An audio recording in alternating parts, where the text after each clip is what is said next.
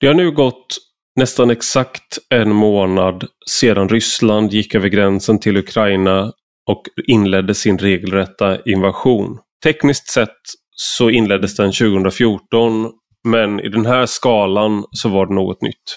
Det har resulterat i, som alla vet vid det här laget, i den största humanitära katastrofen i Europa sedan andra världskriget. Så här många människor har inte varit på flykt sedan dess och på så kort tid. Vi har öppnat vår famn i Europa för de här flyktingarna och det är som det ska vara enligt mig. Eh, vilket förra poddavsnittet handlade mer om när jag pratade med Chang Frick och Mustafa Panshiri. Idag ska jag prata med Joakim Paasikivi. Han är överstelöjtnant med eh, bakgrund som jägare vid K4 i Arvidsjaur. Där han gjorde värnplikt. Han gjorde också värnplikt i Finland vid Nylands brigad. Eh, han har både svenskt och finskt medborgarskap. Han har varit sektionschef och chef för underrättelse och säkerhetsgrupp på militära underrättelsetjänsten MUST. Han har blivit väldigt känd under Ukraina-kriget på ett sätt som kanske motsvaras bäst av eh, Anders Tegnell och hans roll under pandemin. Han framträder mycket i tv, i radio och i olika tidningar. Han har en väldigt hektisk tid så jag är väldigt glad att han eh, tog sig tid att vara med i Rak Höger. Nu idag, då ska man också säga, så är han lärare på Försvarshögskolan i Stockholm i militär strategi. Vi pratar om vad Ryssland har gjort fel rent strategiskt, varför de inte har lyckats besegra Ukraina på slagfältet. På pappret så borde man ha lyckats med det mycket tidigare. Det finns såklart fortfarande i korten att man kommer lyckas med det. Men hittills har det inte gått så bra som man hade kunnat förvänta sig. Och det har förvånat många. Och vi pratar om på vilket sätt det är förvånande och också Ryssland nu framstår som svagare än vad vi trodde. Är det bara någonting positivt och på vilket sätt kan det vara negativt? Och vad kan vi i Sverige och vår försvarsmakt lära sig av det vi ser i Ukraina just nu? Men nu till dagens gäst. Du lyssnar på Rak Höger med mig, Ivar Arpi.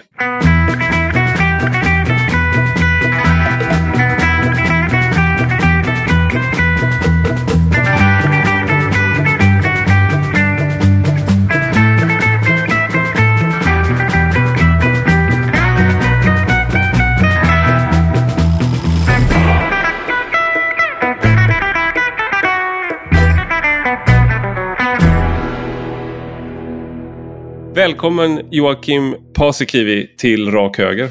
Tack så mycket. Du är överstelöjtnant och eh, kanske just nu den mest synliga av eh, svenska militärer i offentligheten. Lite som vår Ukraina-krigets Anders Tegnell har jag sett någon liknande vid.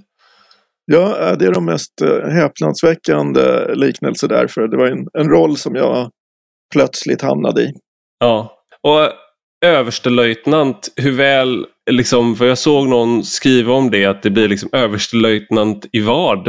Han, han, det, du, det du har gjort är att du har varit vid, liksom, vid eh, militära underrättelsetjänsten. Och vad mer har du gjort och gör, så att säga? Ja, nej, men en, en, en ska säga, krok tråkig men inte helt eh, anmärkningsvärd karriär om man kallar det då. Eh, alltså infanterist huvuddelen av tiden. Eh, spaning, lite jägartjänst, eh, stadsskytte och sen som alla gamlingar i Försvarsmakten när jag blev major så hamnade jag på stab och har varit i högkvarteret egentligen hela det här årtusendet. Mm. I olika befattningar. Eh, strategiledningen och sen skola och sen MUST och, och nu eh, närmast före Försvarshögskolan tre år på Baltic Defence College i eh, Tartu i Estland. Alltså då har du haft en lång karriär inom försvaret. Är det här den så att säga skarpaste situationen för svensk eh, säkerhet, för säkerhet i Östersjön som du har varit med om? Är det här, hur, hur, liksom, hur, hur ska man gradera det här med till exempel eh, ubåtskrisen på, eh, på 90-talet och eh, andra tidigare kriser under kalla kriget? Ja, det här är en eh, allvarligare, avsevärt allvarligare ur ett europeiskt perspektiv. Avseende hot mot Sverige så, så är ju inte det av samma karaktär. Alltså hotet mot Sverige här är, skulle i så fall bestå av, av kärnvapen eller någonting annat, inte konventionellt. Så det är lite annan division än, än ubåtskränkningarna och sånt. Jag var ju alldeles, ja, jag var ju färsk under utbildning där 82 när eh, ubåten gick på grund i Karlskrona mm. också. Så att det där är inte riktat mot Sverige nu men allvarligare. Mm. När det här sker då den 24 februari, Ryssland går över gränsen till Ukraina. Nu ska jag ställa en sån där sportfråga känns det som, motsvarigheten. Men var du förvånad? Var man förvånad inom svensk försvarsmakt i din bild? Alltså hur, hur förvånad borde man ha blivit i, när det här skedde? Ja, eh, där måste jag liksom kvalificera några olika saker. Dels, ja. Jag, jag, jobbar ju på Försvarshögskolan nu som är en mm. egen myndighet. Så, och, och, så att jag, jag kan liksom inte svara för Försvarsmakten utan lutar mig egentligen bara då mot de 35 års erfarenhet. Och jag har ju naturligtvis alla kollegor kvar där och, och sen är vi ju både officerare och statsvetare på skolan där. Så att mm. Med den eh, ska jag säga, preambeln så kan jag säga att både överraskade och inte överraskade. Så tillvida att i det korta perspektivet så, så tyckte jag att amerikanska underrättelsesläppen de, de visade en entydig bild och jag tyckte att de var trovärdiga i likhet med, med många andra. Så vi diskuterade ju där på skolan, några stycken av oss och, och jag tog fel på fyra, nej sex dagar. Jag trodde då att det fanns en god möjlighet att de amerikanska uppgifterna om den 16-17 skulle stämma. Eh, mm. Men jag trodde fortfarande att ryssarna skulle anfalla och det där berodde på en rad olika indikatorer. Men clinchen för mig var uppgifterna om blod, eh, att man får fram det. Mm. Eh, I och med att det är så mycket färskvara. Men, men samtidigt så var det ju en känsla av overklighet att det faktiskt genomförs. Mm. Just det här typen av eh, krigföring där man så att säga invaderar ett annat lands territorium med avsikt vad det verkar att ta över det eller åtminstone på något sätt inlämna det som en slags lydstat. Det har vi inte sett i världen på väldigt lång tid egentligen.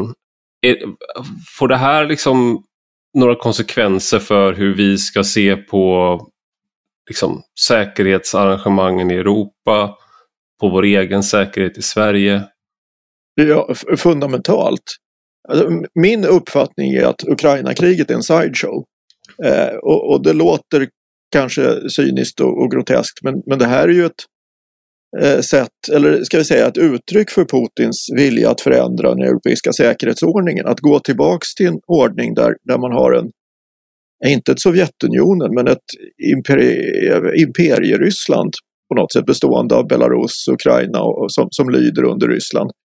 Och sen om, eh, eller kringgärdas det här av en rad lydstater, då, baltstaterna, Finland, Sverige Eh, och, och, gränsen där, där Ryssland kan diktera villkoren för utrikes och säkerhetspolitiken hos de här. Och Ukraina höll på då att, att ur ryskt perspektiv i min tolkning glida ur greppet. Så att. Putins intention, om vi pratar underrättelseterminologi, alltså intention, tillfälle och förmåga. Intentionen har varit där hela tiden och förmågan trodde han att han hade. Men tillfället blev sånt att det var sista chansen för Putin att göra någonting mot Ukraina innan det hade fått en alltför västlig orientering. Så att det här är ju ett uttryck för att försöka förändra den europeiska säkerhetsordningen. Det påverkar ju oss och mm. våra grannar oerhört mycket. Det är sällan de här likheterna bakåt i historien är helt korrekta när man, när man jämför. Men jag har sett folk göra den jämförelsen med finska vinterkriget. Där när Sovjetunionen anföll Finland och Finland gjorde väldigt bra motstånd. Och då att det man såg då var att den på pappret totalt överlägsna eh, liksom militären från Sovjetunionen eh, hade stora problem i Finland. Och nu så på pappret så borde Ryssland redan vara i Kiev skulle man kunna säga. Och, men man lyckas inte hittills. Eh, det har gått sämre än vad man har trott. Har vi överskattat den ryska krigsmakten i din bild? Ja, alldeles, alldeles klart. Eh, vi trodde att de var lika bra som eh, det stod i broschyren. Alltså hur, det de har visat upp på övningar och eh, hur krigsmaterielen har presenterats på olika vapenmässor och, och hur det har använts. Och, och hur man har sagt att man ska göra, alltså den, de egna böckerna med doktriner och, och annat. Eh, och sen när de genomför det i verkligheten då visar det sig att den här operationen fungerade inte alls. Sen kan det finnas en rad olika svar på varför och en del av dem är, har med den ursprungliga planen att göra tror jag, en del har att göra med, med standard på förband och framförallt underhåll och en del ska vi säga, övergripande organisatoriska problem i det ryska eh, försvaret, i synnerhet armén. Mm. Att det finns mycket att titta på och väldigt, väldigt mycket att bena ut och erfarenheter att dra. Vad är den, det stora problemet? För man kan ju då se att när Ryssland eh, satt, redan i det initiala skedet så satte man in många av sina elitförband. Men det gick ändå inte bra. Var det då ett tecken på att elitförbanden var inte tillräckligt elit? Det vill säga de hade inte tillräckligt bra utrustning, de var inte tillräckligt vältränade.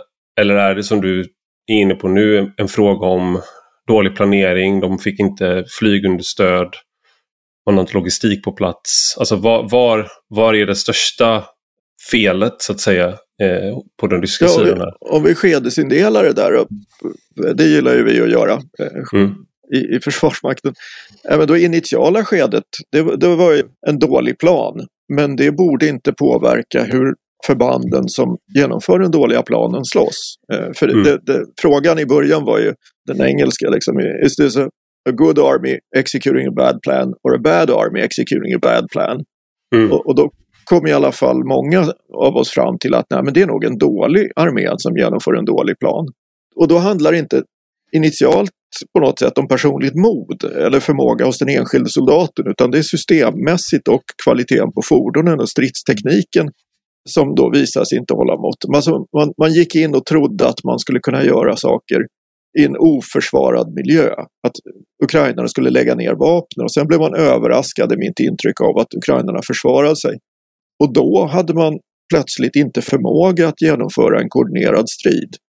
Mm. Eh, man fick fordonen bortskjutna, man körde vilse eh, och, och, man gjorde en, en rad sådana här ganska elementära misstag som gjorde att eh, hela offensiven, om inte stanna upp så åtminstone gick väldigt trögt och, och definitivt inte det som jag tror var planen. Och, och, det var det här vad man kan kalla segertåget, alltså befriare i Donbass och eh, ska vi säga, eh, ukrainska försvararna lägger ner vapnen och fogar sig i resten av landet. Mm. Eh, så att det var, det var fel på alla plan. Och du som arbetat på militära säkerhetstjänsten eller underrättelsetjänsten. En sak som har förekommit som spekulation är ju hur välinformerad Putin och hans närmaste verkligen var här. Är det så att de har fått fel, dålig information och att de därför trodde att det skulle vara så enkelt? Eller är det att de har, har fattat ett beslut för att han har någon slags det här, det här blir spekulativt men är det, mm, är det, är det liksom en rimlig hypotes att ha här att han har haft dålig information och det är därför de genomförde den här typen av ett segertågsoperation snarare ja. än en... Eh, jag, jag tror att, att det är så att, eh, och, och, det finns ju liksom två vinklar på det där också. Dels så har han, ja, och det är ju som du säger, det här är ju ren spekulation, eh, men det finns väl tecken som tyder på att det är, det är ett rimligt antagande. Och, det är att eh, han har trott på sin egen propaganda. Mm. Eh, att, att man har, han är så övertygad om att den historiska beskrivning, eller ja, falska historiska beskrivning av, av Ryssland och Ukrainas roll, att det stämmer, att han har trott på den själv, det vill säga att Ukraina är någon slags konstruktion och det är en lydstat och, och borde rätteligen vara under eh, rysk, rysk överhöghet. Och sen mm. tror jag också att det är som i många illa fungerande organisationer, i synnerhet sådana som är toppstyrda, att man tvättar information efterhand. Att på, på den lägsta nivån så vet man ganska väl vad som händer men i varje steg som den här flyttas uppåt så tar man bort lite av det dåliga och lägger till lite som vore bättre. Så mm. när rapporten väl kommer fram till, till beställaren då, då är den då är det solsken och, och alla är glada. Alltså det är en oerhört felaktig och sminkad rapport och jag tror att det är rimligt att anta att det är något sånt som har hänt. Mm. Han har ju avskedat eh, Och fängslat tror jag också eh, människor som man antar har stått honom nära i FSB och eh, underrättelsetjänsten. Så, som man kan ta som en indikation på att det är människor som han är missnöjd med som har levererat information. Sådär, jag har sett en spekulation i alla fall, att folk har tolkat det så. Jag vet inte om de, om de stod honom nära, men, men som du säger, alltså de två cheferna som är ansvariga för den avdelningen som skulle ha gett underlaget till eh, avseende Ukraina till honom sitter i husarrest. Mm. Och ställföreträdande chefen för Rosgvardia, alltså hans eget nationalgarde, lär också ha fått sparken. Så ja, mm. visst, som du säger. Han har i alla fall hittat en syndabock eller två syndabockar för eh, vissa misslyckanden. Ja. Jag, jag tänker om du skulle ha genomfört den här invasionen, om man skulle göra det så att säga enligt konstens alla regler, vad skulle man ha gjort annorlunda från Rysslands sida när man då vad var det de gjorde fel rent militärt till att börja med när de, när de gick in i Ukraina? Om målet är att eh, upp, uppnå kontroll över Kiev, uppnå kontroll över så stora delar av landet som möjligt, att motstånd blir väldigt svårt. Ja, men ett, ett rimligt antagande är väl att krigsmålet är ett, ett regimskifte. Och, och, då får man ju stå, eh, försöka eh, få en systemkollaps eller ta hand om, om eh, den, den eh, ukrainska regeringen och Zelensky. Och, och, det man skulle ha gjort och det som de har övat på i olika moment och det som står i deras böcker är att det skulle vara en massiv förbekämpning med flyg och robotar mot alla viktiga punkter och då, då kan man prata om tusentals mål istället för ja, hundratals som verkar ha varit nu. Alla flygplatser, alla ledningsplatser, en rad kommunikationsnoder, eh, knutpunkter, eh, järnvägsknutpunkter, eh, ja, vad det nu kan vara. Alltså, kritisk infrastruktur skulle ha slagits ut.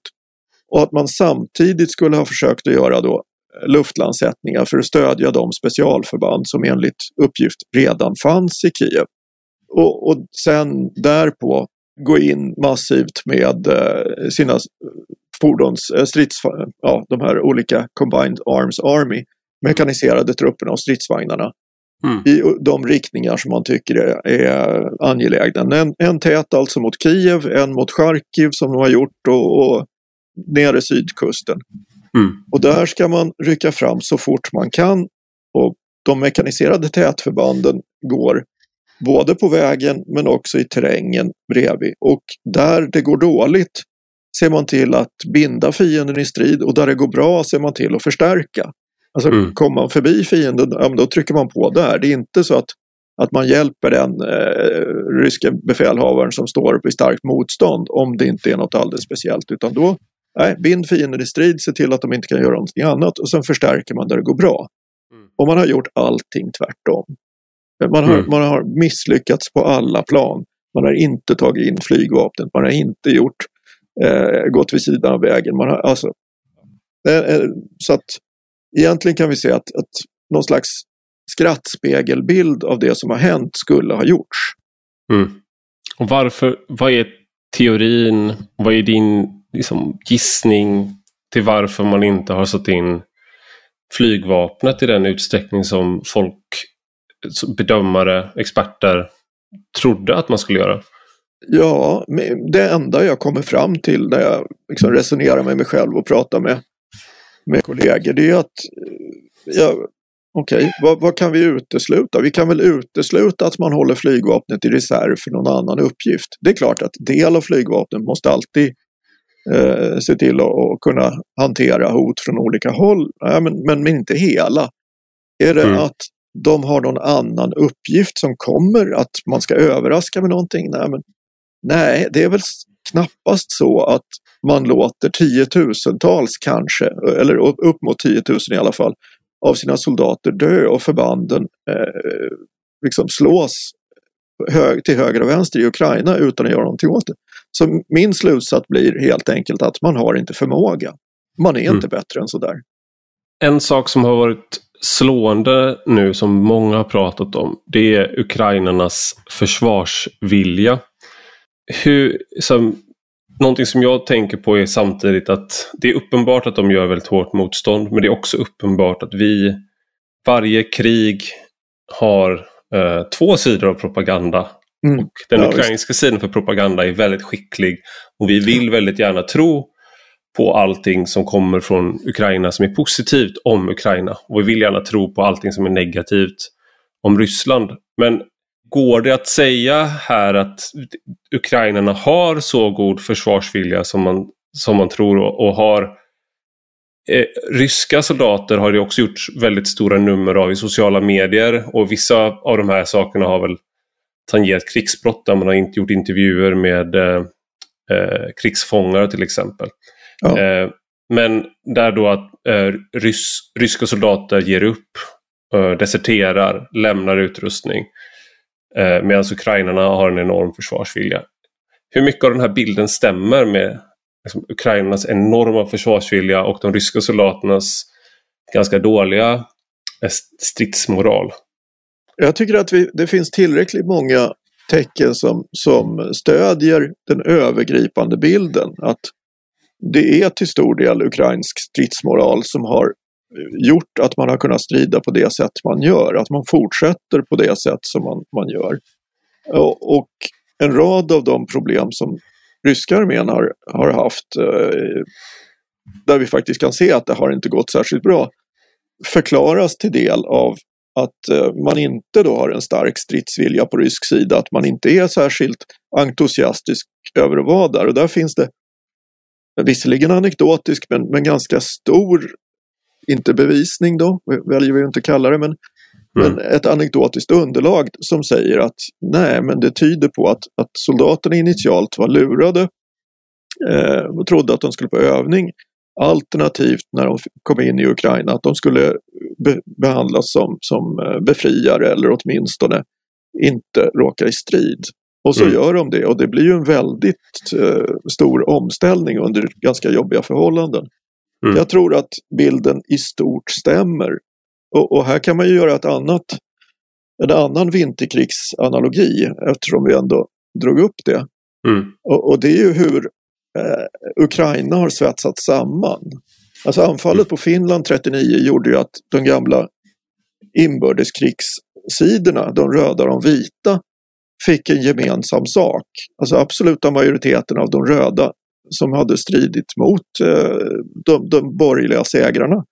De mm. ställde ju upp och försvarade Finland. Det var ju väldigt få som stötte eh, Sovjetunionen där. Och, mm. och, här har vi också sett att eh, oavsett språk, etnicitet eller eh, politisk uppfattning så har ju ukrainarna i mycket stor utsträckning enats och eh, slåss mot, mot ryssarna. Och det är ju en sak som jag tror också eh, överraskade Moskva. Det kan man ju säga också att även om ukrainarna har haft historiskt haft en eh, vad ska man säga, nära, deras identitet har ändå varit, legat väldigt nära den ryska, man har varit brodersfolk. Så här, om, om då Putin hade en tanke om att Ukraina var någon eh, kusin eller liksom en, en yngre broder som man lätt skulle kunna inlämna. Så det här är ju det bästa sättet att göra att man skärper kontrasten, skärper skiljelinjen mellan Ukraina och Ryssland genom att försöka eh, ta över Ukraina så att säga. Ja, verkligen. Alltså man, man, från rysk sida så har man ju med sömngångaraktig precision skjutit sig själv eh, med hagel i båda fötterna. Alldeles oavsett vad, vilken, vad det än är. Alltså alla mm. eventuella strategiska eller taktiska krigsmål har blivit tvärtom. Mm. Väst är mer enat än någonsin, NATO är stärkt. Det är ekonomiska sanktioner som gör att, att Ryssland har blivit ännu mer en ekonomisk dvärg, det är en paria. Och man misslyckas på stridsfältet och Ukraina är eniga mot den. Mm. Alltså det, det, det, där var nog inte den ursprungliga planen. Va? En sak i det här också är att vi, man känner även om det är en fruktansvärd tragedi, humanitär katastrof som utspelar sig så finns det ett hopp eh, kring Ukraina. Just på grund av Rysslands eh, eh, misstag, hur dåligt de har skött det här på en strategisk nivå. Och att man ser att Ukraina vinner på en taktisk nivå i olika strider och, och sådär. Och att man har, hela västvärlden har enats i ekonomiska sanktioner. Så att man, det finns ett hopp om att eh, trots att man ser de här bilderna på utbombade städer att Ukraina ska kunna vinna det här. Är det en ja. rimlig förhoppning eller är det, är det en... Eh, vi är ju ganska kort tid in i kriget, tänker jag. Ja visst, ja, men, och, och, det där är, tycker jag, en, en oerhört klok och relevant observation att det vi tycker, oj det har redan gått en månad, ja det är ju ingenting för ett krig i Europa under 1900-talet. De höll ju på i år de allra flesta, alltså världskrigen och, och Jugoslavienkriget också. Eh, så mm. att, eh, nej, det här är, vi är fortfarande i början. Vi får se om det är slutet av början ens, men, men eh, svåröverblickligt. Ja, ska vi fortsätta med Finlandsanalogierna? Eh, ja, ja vi, vi fortsätter, vi kör. ja, ja, men då, då ja, men vi kan ju välja då några olika. Vinterkriget, man förlorar 10% men kommer god tvåa. 10% av landet avträds. Eh, ja, skulle det vara Donbass och, och Krim det kanske. Mm. Men man behåller självständighet om än lite kringskuren. Eh, mm. så. så att det, det sågs ju som något anmärkningsvärt på den tiden. Man står emot kolossen 44 av det som kallas avvärjningssegern.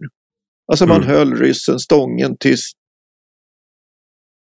intresset falnade och, man var tvungen från rysk sida att gå ner mot, eh, mot Tyskland och kunde då eh, ha en, en förhandlad separatfred. Mm. och någon, något av de här exemplen tycker jag verkar rimligt. Det är väl knappast så att vi kommer att se ett, något eh, 1600-tals fältslag där, där liksom den sista eh, ryttaren som står upp vinner. Nej. Utan det här kommer ju bli en, en seger för någon deras sidan där man kan utropa, ska vi säga med någon trovärdighet att man har uppnått krigsmålen.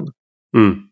Ur ett ukrainskt perspektiv skulle det vara då att man har en fortsatt västlig orientering och att man har en, en i princip obeskuren demokratisk utveckling och självständighet i, i, under svåra förhållanden med någon slags västliga säkerhetsgarantier.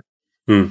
Men då blir ju problemet att få ihop det här då med en, med en rysk seger, att man skulle acceptera det från rysk sida. Då måste man hitta på någon annan ska vi säga, seger för ryssarna och då skulle det kunna vara Krim och Donbass och, och någon slags föregiven avnazifiering, lite diffust så här. Och jag tror att det där är kanske där vi hamnar. Mm. Och, och, då är frågan var, eh, alltså vem kommer ha bäst förhandlingsläge? Vem har stridit bäst på slagfältet. Det, det kommer att vara en ganska stor faktor tror jag. Vem tjänar på det här i längden?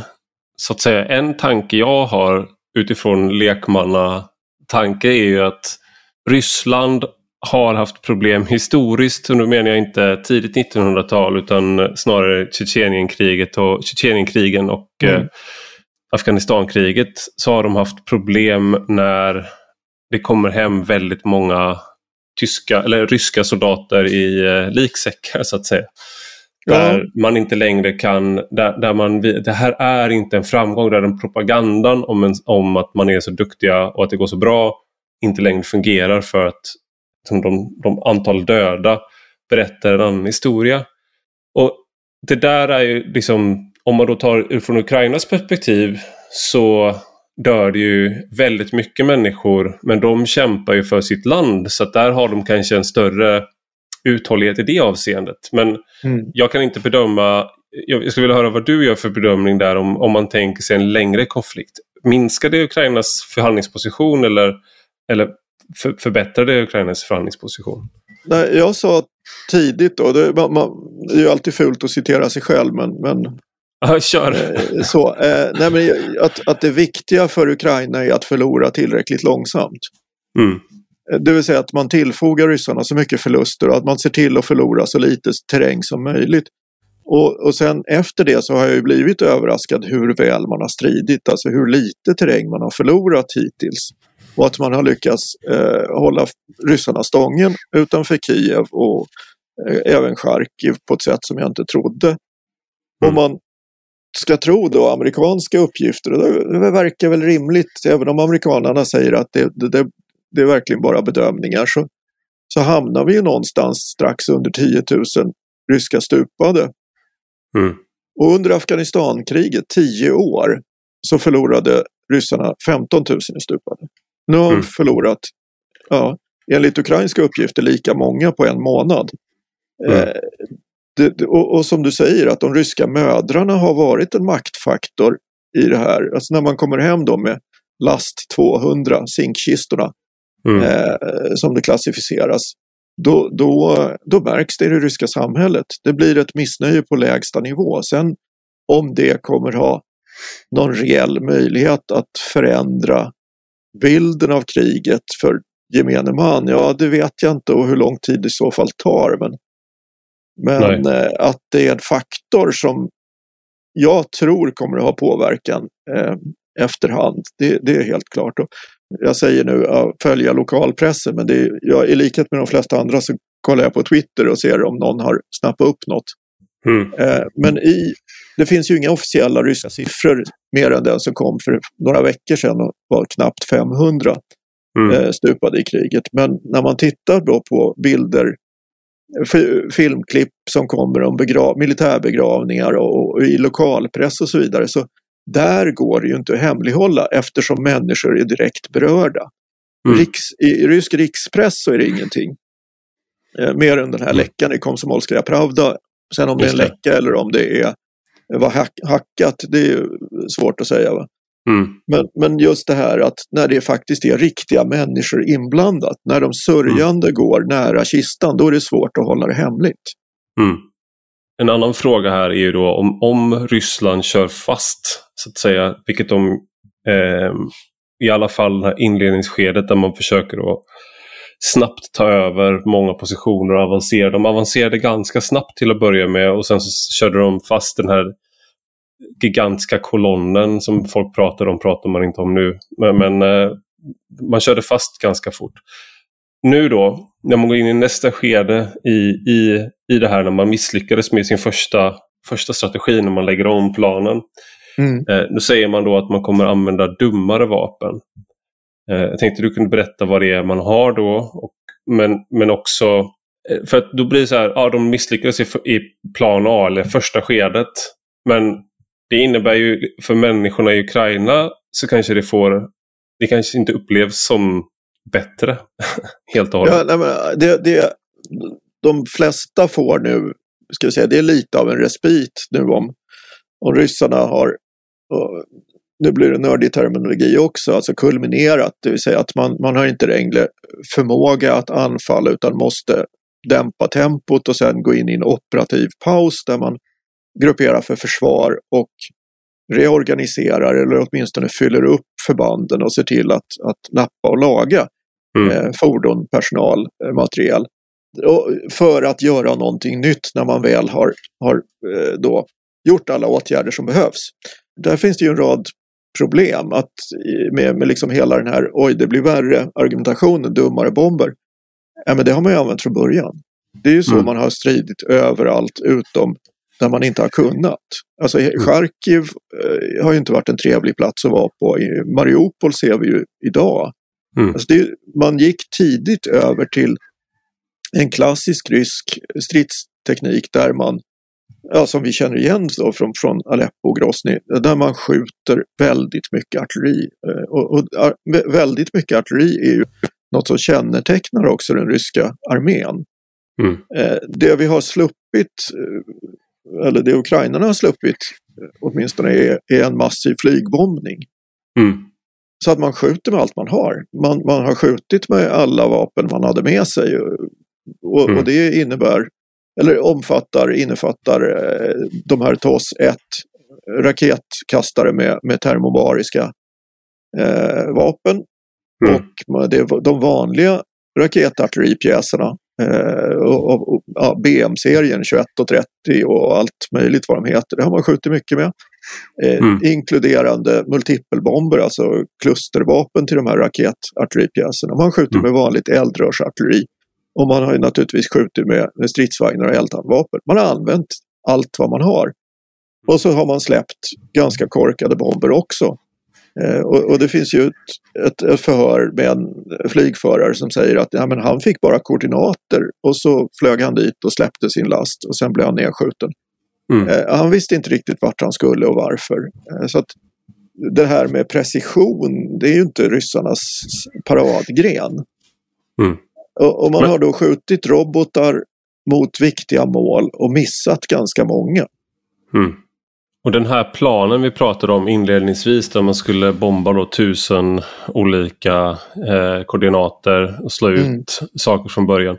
Man, jag tänkte man kan ta ett steg tillbaka för när den bilden som man hade av rysk eh, militär, eh, ryska eh, armén efter Sovjetunionens upplösning, det var ju att den var gammal, rostande, eh, enormt eh, dålig kvalitet på saker. Eh, och sen första Tjetjenienkriget förlorade man eh, av olika skäl. Mm. Men för att rysk armé presterade otroligt dåligt. Och andra Tjetjenienkriget vann man och Putin var ansvar för den eh, operationen. Och då, men det gjorde man ju till på det här sättet som man krigar nu. Mm. Och då hade ryska armén otroligt... Man, det var inte en armé man respekterade i väst så att säga. Nej. Och sen har man påbörjat en modernisering. Men var det här då den här moderniseringen vi såg då? Var det liksom en Potemkin-kuliss för att använda rysk ja, kultur? Ja, ja, men det, det, det verkar ju varit... Eh, Potemkin verkar ju varit med där och, och fått pengar. Eh, mm. Därför att uppenbarligen har massa pengar i moderniseringsprogrammet läckt och att det mm. inte har nått fram. Ett annat problem är också en eh, ska vi säga, obefintlig eller i alla fall dålig rysk underofficerskår.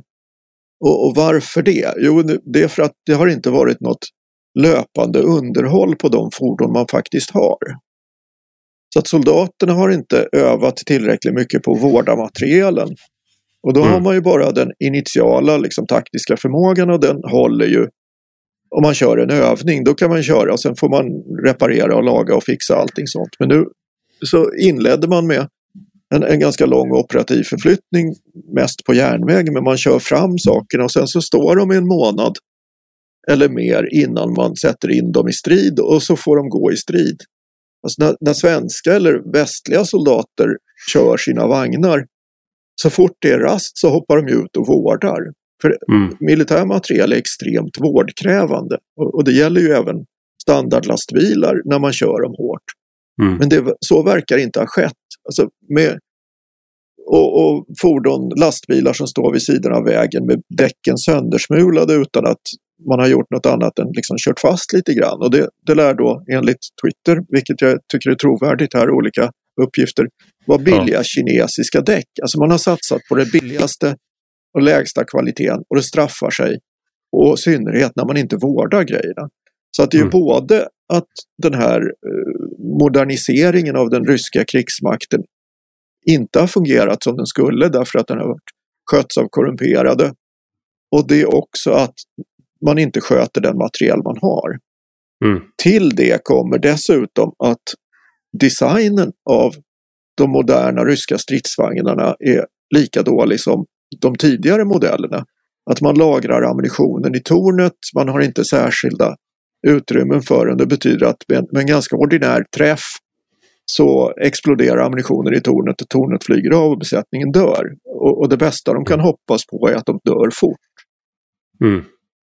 Är det här någonting som åter, återkommande har förts fram i eh, militära, militära sammanhang när man diskuterar är eh, stridsvagnar om de verkligen hör hemma på ett modernt slagfält. När man kan ha eh, olika typer av eh, moderna bazookas så att säga som vi tillverkar i, mm. i Sverige och eh, USA Javelins, olika räckvidder och sånt där som kan slå ut även en modern stridsvagn. Och här verkar det som att Ryssland har väldigt mycket av den sortens eh, bepansrade fordon och regelrätta stridsvagnar. Är det i sig en, ett tecken på att de inte har en så modern armé eller är det någonting som egentligen kanske liknar andra västliga makter om de skulle göra någon liknande operation så att säga? Ja, nej men, eh, stridsvagnen har ju dödförklarats en, eh, ett gäng gånger nu. Senast före det här var i Nagorno Karabach när eh, Azerbajdzjan använde sina UAV, de turkiska UAV med extremt stor framgång. Just Men det. det beror ju väldigt mycket på terräng och hur man Och använder det. UAV är, är en Drö- till mer drönare. ja, drönare. Och de, den typen av drönare har Ukraina köpt från Turkiet va? Så Ja, de har, en, en ja. variant då. Sen Ja. finns det ju en rad olika modeller och ryssarna har ju också. Men, men problemet är att ryssarna inte har utnyttjat de olika eh, ska vi säga, materielslagen på ett sådant sätt att de kompletterar varann. Mm. Man har kört fram lite grann med några stridsvagnar. Nu, det är, jag- raljerar, men det är en av mina paradgrenar. Att, och, att, att, och, och sen så får man dem bortskjutet. Och, och det var ju jävla trist. Och så kör man fram en helikopter och så blir den nedskjuten. Mm. Så allt blir inte bortskjutet hela tiden. Men det här är en konsekvens häpnadsväckande ofta. Istället för att ha då en, en väl genomförd och väl, planer, väl planerad och väl genomförd eh, offensiv rörelse där man har Mm. de här sakerna som stödjer varann. Mm. Man har då genom att inte ha slagit ut det eh, ukrainska luftvärnet gjort att man kan inte ha flygunderstöd som man, hade, som man borde så att säga. Mm. Eh, För då minskar möjligheterna för en motståndare att eh, påverka stridsvagnarna. Mm. Då, för då skjuter man bort dem från luften med flygplan eller heli- helikoptrar så man minskar chansen att verka.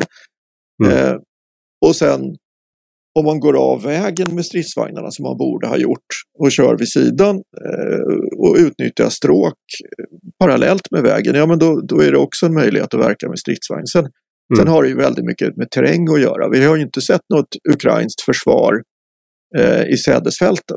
För det är ju snart sagt omöjligt. Där kan Mm. bara en stridsvagn möta en stridsvagn egentligen. För det, det, det går inte att gömma sig eh, på något vettigt sätt. Alltså Mm. hoppskott med pansarvärnsrobot i ett sädesfält är en ganska dålig idé från början. Så lite, att, eh, lite för mycket rekyl kanske. ja, nej men precis, man måste vara optimist för, för att Mm. genomföra det tror jag. Mm. Så att eh, jag tror visst att stridsvagnen har en roll på, strids, på, på, på slagfältet eller i stridsfältet. Men det är just att man måste utnyttja grejerna på rätt sätt. Och, och där finns det inte riktigt samma överförbara erfarenheter till svensk terräng. Alltså de Nej. erfarenheter som vi omedelbart måste ta med oss hem, det är att vi måste ha mycket mer. Eh, vi har mycket, men vi måste ha mycket mer eh, pansarvärnsvapen, mycket fler. Mm. Eh, vi måste ha massor av pansarskott, det har vi, men man kanske måste ha fler. Mm. Och vi måste ha burna luftvärnsrobotar. Eh, Mm. Och det måste vi skaffa nu.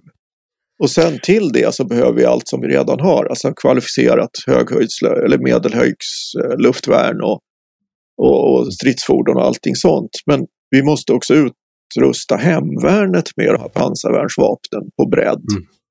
Eh, och, och en rad sådana här saker tror jag vore klokt. Eh, och och det, jag hoppas då, jag vet ju att Försvarsmakten eh, tittar ju väldigt noga på vad som händer och, och sen får vi dra slutsatser av det, både liksom storpolitiskt och på militärstrategisk nivå och, och stridsteknisk och taktisk nivå. Eh, och det kommer ta olika tid och kosta olika mycket pengar, men, men det finns ju en rad olika saker som är mer eller mindre akuta och, och pansarvärnsförmåga till exempel är en av dem. Mm. Jag tänkte vi skulle gå in på det faktiskt, eh, vad man kan dra för slutsatser för, eh, för Sveriges del i hur vi övar och hur vi tänker kring vad vår försvarsmakt ska lösa för typ av uppgifter. Jag tänker att för om man spolar tillbaks 15 år i tiden när, så pratade man ju väldigt mycket om insatsförsvaret. Man pratade om att vi skulle kunna delta i olika internationella insatser, vilket vi har gjort också. En första fråga är vad det för det har fått någonting, jag har kritiserat den eh, på ledarsidan och jag har sett andra som har gjort det också. Att man fokuserade så mycket på det att man la ner väldigt mycket av de andra förmågan man hade. Men jag skulle ändå vilja fråga, var det en bortkastat det man gjorde under den tiden? Eller är det fel att se det så? Att när man liksom fokuserade på vad man skulle kunna göra ihop med andra i Afghanistan eller Mali och liknande. Bortsett från att, att vi tenderar ju alltid gå för långt och vara för ivriga. Att, att, att pendeln ham- hamnar alltid i ytterläge. Mm. Eh, så har ju de stora förbättringarna av svenska armén kommit på grund av eh, ska vi säga, insatsförsvaret. Mm. Eh, vill jag hävda. Alltså kvaliteten på yrkessoldaterna är ju avsevärt bättre än vad de värnpliktiga var. Och, Mm. och det är väl naturligt. Är man, jobbar man med någonting så blir man väl bättre än om man gör det i, i många fall mot sin vilja lite grann och eh, under en begränsad tid. Mm. Sen finns det ju förmågor som det här insatsförsvaret inte övade som inte var efterfrågade. Det var inte jättemycket skydd mot kärnvapen och kemiska stridsmedel. Det var, luftvärn var inte heller högaktuellt för det fanns inte särskilt mycket hot från något talibanskt flygvapen. Nej. Eh, så att det, det var sådana förmågor då som, som man måste återta. Men då gör vi det nu i ett system där vi har en blandning mellan yrkessoldater och värnpliktiga. Och Mm. det viktiga för mig här är att vi bibehåller eh, kompetenser, kvaliteten och numerären på de förband som är omedelbart gripbara. Och det är ju yrkesförsvaret, alltså de stående Mm. förbanden. Och samtidigt att vi har en, en kompetent soldatfabrik, vilket är värnplikts, värnpliktsförsvaret. Mm. Och, och man har en bottenplatta med ett, med ett gediget hemvärn som är välutrustat och, och tillräckligt utbildat. Och där är jag inte övertygad om att 20 timmar om året räcker. Nej. Eh, Så att det, det finns, tycker jag, eh, en rad saker som man kan säga att insatsförsvarets eh, försvar, att det var, det var rimligt i den tiden, men det var kanske inte smart att lägga ner allt annat som du sa. Va? Mm. Och, eh, men också erkänna att, att ja, men det var en god idé att gå till yrkesförsvaret så tillvida att vi höjde kvaliteten på de omedelbart gripbara förbanden. Mm. Och att, det internationella, att de internationella insatserna har också gjort att vi på ett helt annat sätt har kunnat mäta oss med eh, våra västliga vänner. Mm. Eh, även om vi inte har satt in eh, förband i strid i Afghanistan på samma sätt som normer och danskar i Helmand och, i, i Kabul på, på, i samma utsträckning så har vi i alla fall kunnat ha en, en kontroll på att ja, men, utbildningen fungerar och, och systemen fungerar. Mm. Och vi har fortsatt jävligt duktiga soldater. Mm.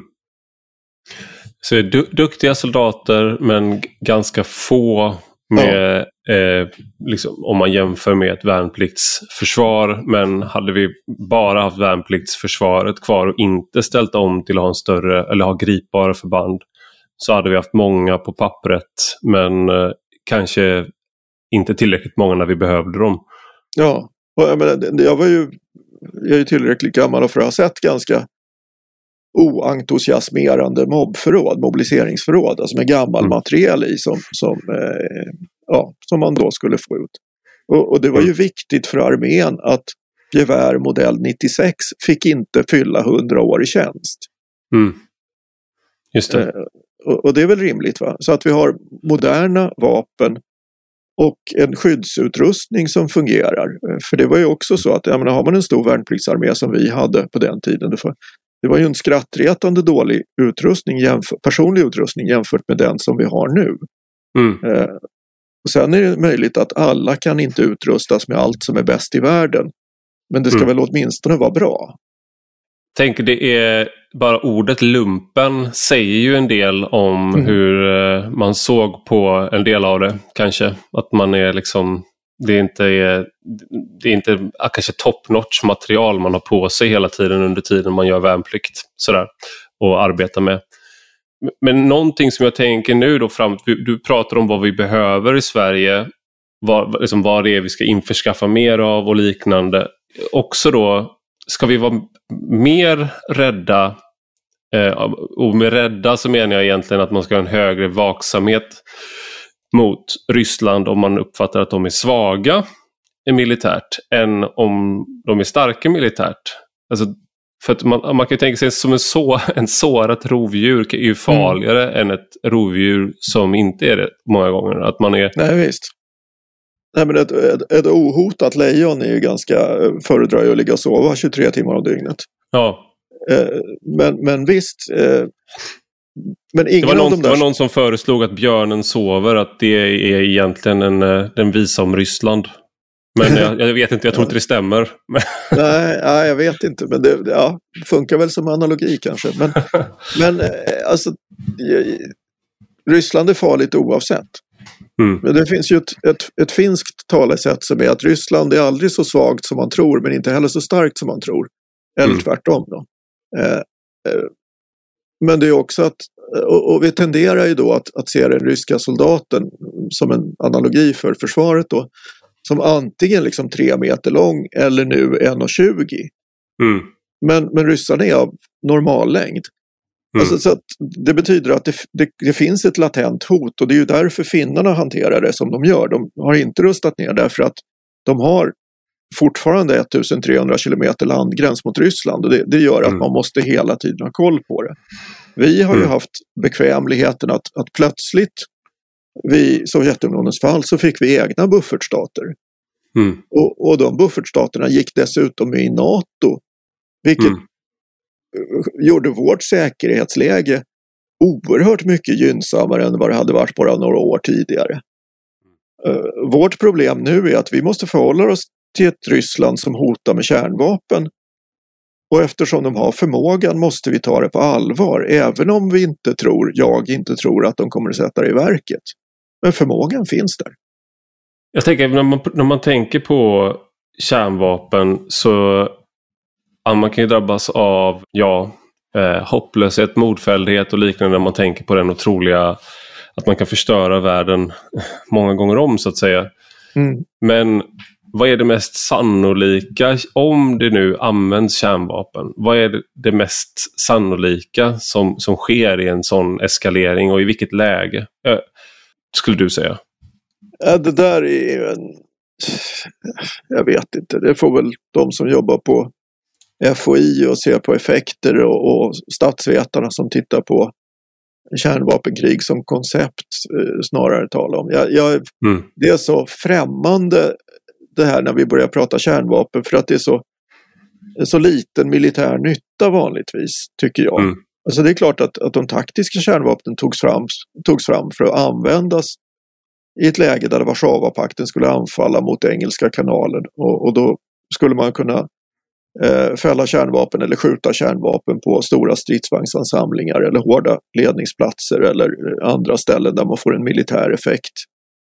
Eh, och NATO analogt då har precis samma typ av vapen. Men att man då, som det nu spekuleras, att det skulle vara möjligt att man eh, skjuter en kärnvapenrobot mot ett område som inte skulle medföra allt för många döda som en markering och sen hota sig till ett resultat av det.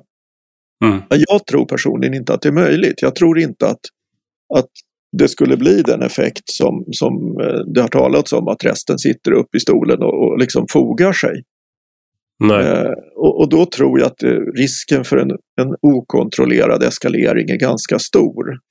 Mm. Eh, så att det där är, är oerhört svårt att förhålla sig till. Men, men det vi måste ha förmågan både med befolkningsskyddsrum och, och eh, ska vi säga, övrig beredskap för samhället, tillräckligt hårda ledningsstrukturer för att kunna överleva som nation och att Försvarsmakten mm. också måste kunna verka i en sån miljö. Mm. Men jag har svårt att se att den skulle inträffa utan att det blir någon slags riktigt jävla dålig katastroffilm. Ja, precis. Det är det man, eh, det är det man ser framför sig. Och eh, det, det jag tänker är väl den här svaga ryska positionen om man, om man känner att man misslyckas. Mm. Bara liksom man, man förlorar på slagfältet eh, och du lyckas inte kuva ukrainarna tillräckligt. Du Nej. får en allt sämre förhandlingsposition. Och då den här, vad ska man säga, lite segerrusiga känslan som man har anat en föraning av trots den humanitära katastrofen i väst. Mm, mm. Det där måste, det är ju som eh, ett rött skynke för Putin och hans närmaste när väst då får en möjlighet att känna sig för mer igen. Och det tänker jag, mm. hur ger man Putin och Ryssland, för de kommer finnas kvar. Det är 140 miljoner människor, en minskande befolkning, men det är fortfarande väldigt många som bor där mm. och det är ett stort mm. land. De kommer inte försvinna även om de förlorar eh, stridsvagnar och förlorar eh, soldater. De kommer finnas kvar. Så hur kan man erbjuda dem en väg ut utan att det eskalerar? För om man är i en sån situation där man tänker det är, man vinner ett slagsmål och drar den andra pistol. Alltså det, det är lite ja, den det är lite där jag tänker att kärnvapen kanske kommer in i att man som en desperat sista utväg för, en, eh, för regimen när de känner att de inte har en tillräckligt bra förhandlingsposition. Ja, det är, det är en risk. Visst. Det, och, och, det är svårt att se vilka alternativ Putin har, men jag tror ändå att, det är svårt att se. Jag har svårt att se en lösning där Putin sätter in kärnvapen, men det är inte omöjligt och det är ju tillräckligt jobbigt. Och, och det här är ju en, en, fråga som egentligen bara ryssarna kan lösa om det inte blir ett storkrig och att man börjar fälla kärnvapen på varandras huvudstäder. Så att jag, jag har inget bra svar på det där men, men det är så att i min egen analys så, så ser jag inte ett, ett läge där kärnvapen löser någonting egentligen. Utan då mm. tror jag snarare att, att folk i hans omgivning kommer att tycka att det är en eh, oönskad eskalering av konflikten som inte kommer leda till att de kommer att få någon vinst. Eh, mm. Även om Putin skulle tycka det. Jag sätter mitt hopp då kanske till de andra korrupta strukturerna i Ryssland. Att de skulle möjligen göra någonting. Det är svårt att se hur men... Eh, en palatskupp. Ja, ja mm. någonting mm. sånt. Va? Och, och mm. det där skulle ju vara oerhört svårt att genomföra men, men, mm. ja, men det är en förhoppning i alla fall. Jag tänker vi ska avsluta med en fråga om Sverige då. Eh, ibland mm. har man ju sagt om oss, jag tror att jag själv har använt det uttrycket, att vi är fredsskadade. Jag har inte gjort det sedan eh, invasionen och jag tycker att det har förändrat men liksom hur man ska beskriva sig själv kanske. Men hur, hur väl rustat är Sverige för en sån här eskalering av, eller en försämring av det europeiska eh, säkerheten och är, är, vi, kan man, kan man, är det ens rimligt att prata på ett sånt sätt om ett helt folk? Att man är eh, fredsskadade eller att man eh, inte är lämpade för en konflikt. Jag har sett mycket sådana här memes och skämt som går ut liksom på att ah, i Sverige, hur ska det gå när eh, lattepapporna ska försvara landet om de inte får liksom sitt skum i, i på exakt rätt höjd och sånt där. Eh, vad är vi får se till att ut, utbilda kok, kokgrupperna ordentligt. Exakt, äh, alla får med sig en sån där liten skummare med i fält. Ja, Batteridriven. En, en rimlig ambition. Absolut.